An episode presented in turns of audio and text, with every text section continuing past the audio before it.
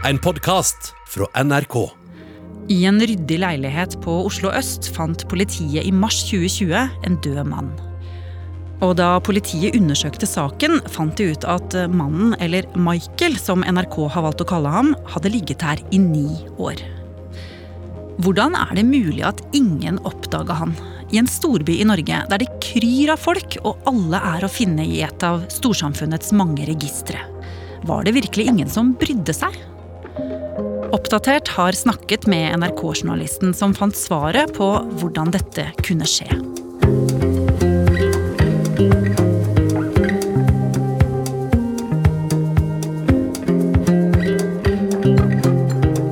Du hører på Oppdatert. Jeg heter Ragna Nordenborg. I desember 2020 fikk NRK Oslo og Viken et anonymt tips om at en død mann har ligget i en leilighet i ni år uten å ha blitt funnet. Jeg tror jeg først tenkte kan det her virkelig stemme? Henriette Mort er journalist i NRK. Det hender jo noen ganger at vi får eh, inn tips om at folk har ligget eh, død en stund. Men ni år, det er eh, ganske lenge, og jeg har aldri hørt om det før. Det hender jo vi har lest i aviser om folk som har ligget lenge, kanskje uker, kanskje til og med år. Men jeg har aldri før hørt om ni år, og det fikk meg vel til å begynne å lure på hvordan, ja, hvordan kunne det egentlig være mulig. Ja, så dette tipset gjorde veldig inntrykk på deg, da. Hva gjorde du? Eh, nei, Jeg måtte jo først finne ut om det var sant, og det er det jo politiet som må svare på, så jeg ringte dem i romjula. Og de fortalte ganske raskt at jo, det stemmer, de hadde funnet en død mann. Og da gjorde vi en avtale om at jeg skulle få komme på et intervju til dem eh, etter jul. Og i mellomtida her, da hadde jeg mye spørsmål i hodet mitt. Gjennom hele jula og julaften og sånn, så surra det. Jeg lurer på veldig veldig mange ting, men kanskje aller mest på liksom dette praktiske. Hvordan er dette her mulig? Så da jeg eh, troppa på politistasjonen på Grønland i Oslo i januar, da var jeg veldig spent. Og hva var det de kunne fortelle deg? De fortalte meg at dette aldri hadde blitt en sak om det ikke var for en fortvila vaktmester. Hvordan da? Det politiet fortalte meg, det var at noen måneder før så var det en vaktmester da, som ville inn i denne leiligheten til Michael. Han skulle gjøre noe arbeid der inne, og når han da ikke kom seg inn, og for så vidt heller ikke hadde sett denne mannen på ganske mange år, så bestemte han seg altså for å dra til politiet. Hm. Da sjekker eh, politiet opp denne mannen i folkeregisteret, og der står han med ukjent adresse. Og da blir det jo en del forvirring. Men det ender altså med at eh, politiet reiser til leiligheten. Og hva er det som møter dem der? De møtte en låst dør, men kommer seg etter hvert eh, inn. Og når de går gjennom leiligheten, så ser de at her er det veldig ryddig og reint og så finner de da Michael død. Men utenom det så er det på en måte ikke noe tegn på noe uvanlig. Hm. De ser uh, søppel i søppelkassa, og i kjøleskapet så finner de mat. Og en rosa melkekartong med utløpsdato 6. mai 2011. Og denne melkekartongen er jo på en måte det første tegnet på at Michael nok har ligget der veldig, veldig lenge. Mm. Og så finner de også et brev som er til Michael, som er datert 29. april samme år, altså 2011. Og det betyr at han må jo ha vært i postkassa si den dagen eller noen dager senere og henta dette brevet. Og det var jo et av de siste livstegnene fra Michael. Og derfor valgte også politiet å sette denne dagen som datoen for da han døde. Den 29. april 2011. Og mens Michael lå der død, så suste verden videre utenfor døra hans. For åra bare gikk og gikk. Minst ett skudd er avfyrt på Utøya. Borgerlig flertall med 93 mandater. Mornings! Therese Johaug, som har vunnet utallige gullmedaljer i langrenn, har testet positivt på et stoff som står på WADAs dopingliste. We can now project the winner of the presidential race. Donald Trump wins the presidency. On a Hong Kong side street, the police were still chasing the protesters. Og først etter ni år, altså i 2020, ble Michael funnet, Henriette. Og det er jo ganske drøyt å tenke på, egentlig. Hvordan kunne dette skje? Nei, det var jo det jeg ønska å finne ut av, da. Men selv om politiet kunne si noe, så ville de jo ikke si hva han het. Og da måtte vi begynne å grave sjøl. Jeg tok kontakt med researchavdelingen til NRK, som hjalp meg å begynne å spore opp. Og vi kryssøkte, og vi prøvde å finne ut folkeregisteret. Vi hadde jo et eh, gatenavn her fra tipset. Eh, og etter mye søk så fant vi han til slutt. Men så het han jo noe helt annet. Det er jeg som har kalt han Michael, og det er for å ta vare på historien hans. Og da løsna det jo lite grann. Hva mer var det du fant ut om han? Vi fant jo en hel del. Alle, alt som du kan finne i gamle digitale aviser og i folkeregisteret. Og så fant vi også noe som fikk oss til å stoppe litt. Vi fant en annonse i lokalavisa som ble publisert flere år etter at han døde. En bursdagsannonse. Og da ble vi ganske satt ut. Vi ble rett og slett litt forvirra. Ja, hvorfor ble dere forvirra av det? Nei, Vi tenkte hæ, er det noen som har sendt en gratulasjon til han og ikke, som ikke veit at han er død? Eller hva er dette her for noe? Og dere kom jo ikke noe videre på det sporet akkurat da, men eh, dere jakta jo videre. Ja, vi fant uh, ganske mange andre ting. Vi fant ut at han har bodd flere steder i Oslo før han kjøper leiligheten sin øst i byen.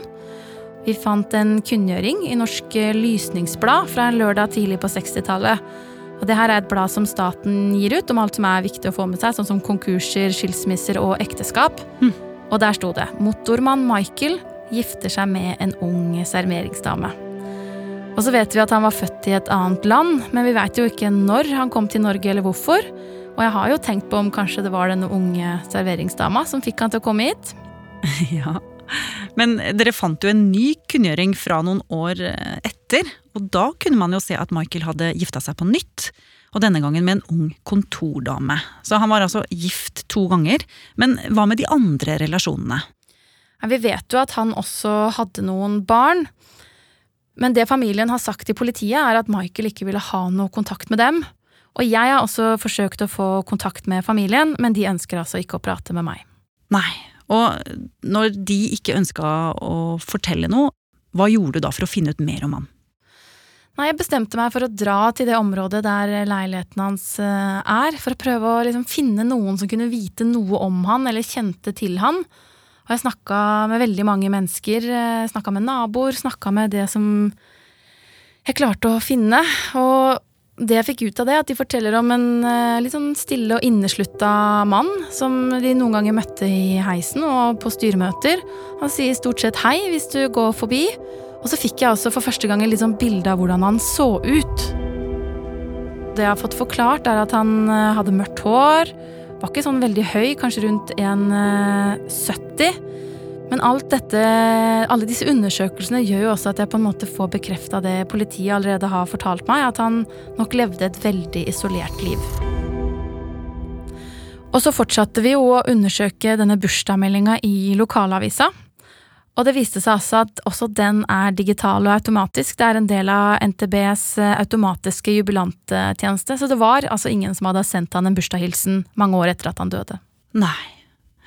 Og alt dette her, Henriette, det forteller meg jo at dette kan i hvert fall ha vært en mann som ønsket rett og slett å, å være i fred. Ja, men det er nok ikke hele grunnen til at han ble liggende der i ni år. Nei, for hvor ble egentlig storsamfunnet av? Altså, Dødsfallet virker jo til å ha gått fullstendig under radaren. Altså, Det hadde ikke gått noen alarmer hos politiet, kan det virke som, heller ikke i bydelen eller hos Nav. Men han var jo pensjonist, og han hadde jo boliglån. Ja, og det her er jo spørsmål jeg også stilte meg. Og derfor så begynte jeg å ringe rundt da, til forskjellige offentlige etater. Og jeg blei ganske overraska av mye av det jeg fant ut. For eh, etter at han døde i 2011, så fortsatte jo bare brevene å dette ned i postkassa hans. Og etter hvert så blei jo den selvfølgelig full av både brev og reklame.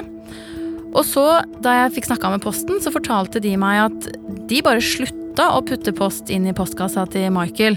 De fulgte rutiner. Det de gjorde, det var at de la igjen et nytt brev om at postkassa hans var full. Og så bare slutta de å putte post i posten og sendte den i retur. Men hva med boliglånet? Han hadde jo det. Ja, det ble jo trukket via autotrekk. Det betalte seg selv. Og derfor så gikk det jo heller ikke noe alarmer hos banken, f.eks. Men i 2018, altså sju år etter at han døde, da veit vi at Nav prøvde å få tak i han. Det har politiet fortalt. Men vi veit jo ikke hvorfor de prøvde det, for de kan ikke si noe om enkeltsaker. Mm. Men hvordan gikk dette forsøket? Nei, Det Nav sier, er at de har rutiner når de prøver å få tak i folk. Vi veit at de f.eks. sjekka om Michael fikk noe annen type støtte hos dem, og om det lå noe adresse der. Nei, men det gjorde de jo ikke. Så da sjekka de nok med Oslo kommune og kanskje Michael sin lokale bank. Der eh, fant de vel heller ikke noen opplysninger. Han sto jo tross alt som uten kjent bosted i folkeregisteret. Mm. Og da søkte de også opp Michaels navn på nummeropplysningen. Og når ikke de fikk tak i han, jo da stansa de pensjonen hans. Men eh, Henriette, da må jo alarmene ha begynt å gå. altså F.eks. hos banken som ikke lenger mottok eh, avdragene for boliglånet hans. Ja, man skulle kanskje tro det, og at eh, kontoen etter hvert begynte å bli tom. Men det politiet har forklart oss da, det er at eh, når det har kommet regninger og inkassoer, så har de blitt sendt rett til Nav. Som da har brukt disse pengene, altså den stansa pensjonen, til å dekke nettopp de regningene for ham. Ja. Og dermed har han jo på en eller annen måte levd videre på papiret. Selv om han altså var død for lengst. Mm. Ok, Henriette. Du fikk jo til slutt svar på hvorfor han ble liggende der i ni år uten at noen oppdaget det. Hva tenker du om det? Jeg tenker jo at jeg nok har fått mange svar, men jeg trengte vel kanskje å komme litt mer til bunns i hvorfor ikke alarmene gikk. Hvorfor ingen etater reagerte når alle disse røde flaggene var der, og da fant jeg professor Arne Krokan fra NTNU, og han gjorde meg litt klokere. Eh, ja, jeg tenker jo at eh, altså det kanskje ikke hadde skjedd hvis vi hadde vært eh, 20-30 år tilbake i tid. Eh, og det er jo et slags sånn pulverisert eh, kan du si, ansvar, da. Så jeg tenker at det er på sett og vis noe av prisen vi har betalt da, så langt for å få en del digitale tjenester. Men at vi nå må tenke hakket videre, da. Men eh, betyr dette at det fins flere tilfeller som Michael der ute? Kanskje ikke som har ligget død i så lenge som ni år, men jo, i fjor så lå 27 mennesker døde i Oslo, Asker og Bærum i over én uke før de ble funnet, og året før så var det 32 mennesker. Og en av dem lå død i nesten sju måneder. Og Henriette, du publiserte jo eh, denne saken om Michael på nrk.no for eh, noen dager siden. Og denne saken er eh, en av de mest leste i hele år. Hvordan har eh, reaksjonene vært?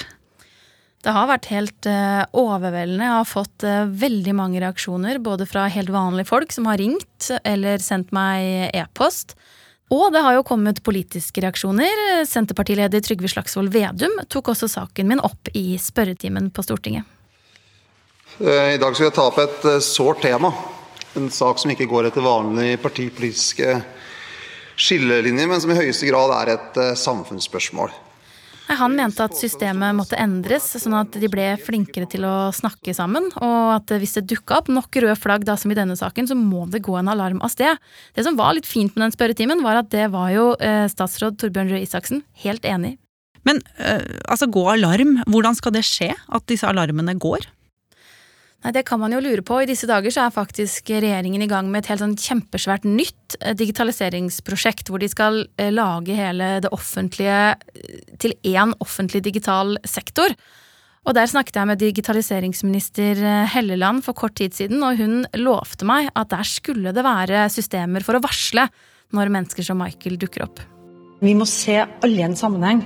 Eh, og Derfor så handler det om å utvikle da, digitale livshendelser. snakker vi om. Alt fra når man føder et barn, til også oppgjør ved dødsfall og arv. Dette eh, skal bli bedre. Digitaliseringa skal hjelpe oss, sånn at vi kan få tetta de, de smutthullene som gjør at man opplever eh, sånne ting. Men helt til slutt, Henriette. Føler du at du fikk svar på alle spørsmålene du du hadde der i starten da dette tipset kom inn? Nei, det gjør jeg nok dessverre ikke i det hele tatt. Det er jo veldig mange spørsmål igjen. Jeg vet jo f.eks. ikke hvorfor Michael valgte det livet han gjorde. Mm. Altså Hvorfor ville han isolere seg så veldig fra veldig mange andre? Og selv om jeg har funnet veldig mange sånne detaljer om han fra offentlige dokumenter, så er jeg dessverre redd at jeg kanskje aldri vil få svarene på liksom hvem Michael var som person.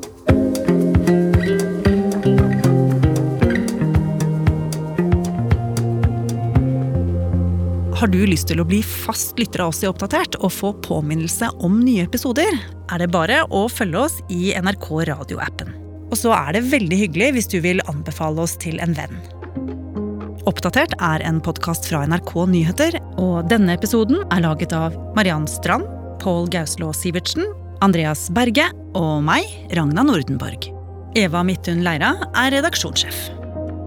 Vil du kontakte oss, gjør gjerne det på oppdatert krøllalfa nrk.no. Du har hørt en podkast fra NRK. Hør flere podkaster og din favorittkanal i appen NRK Radio.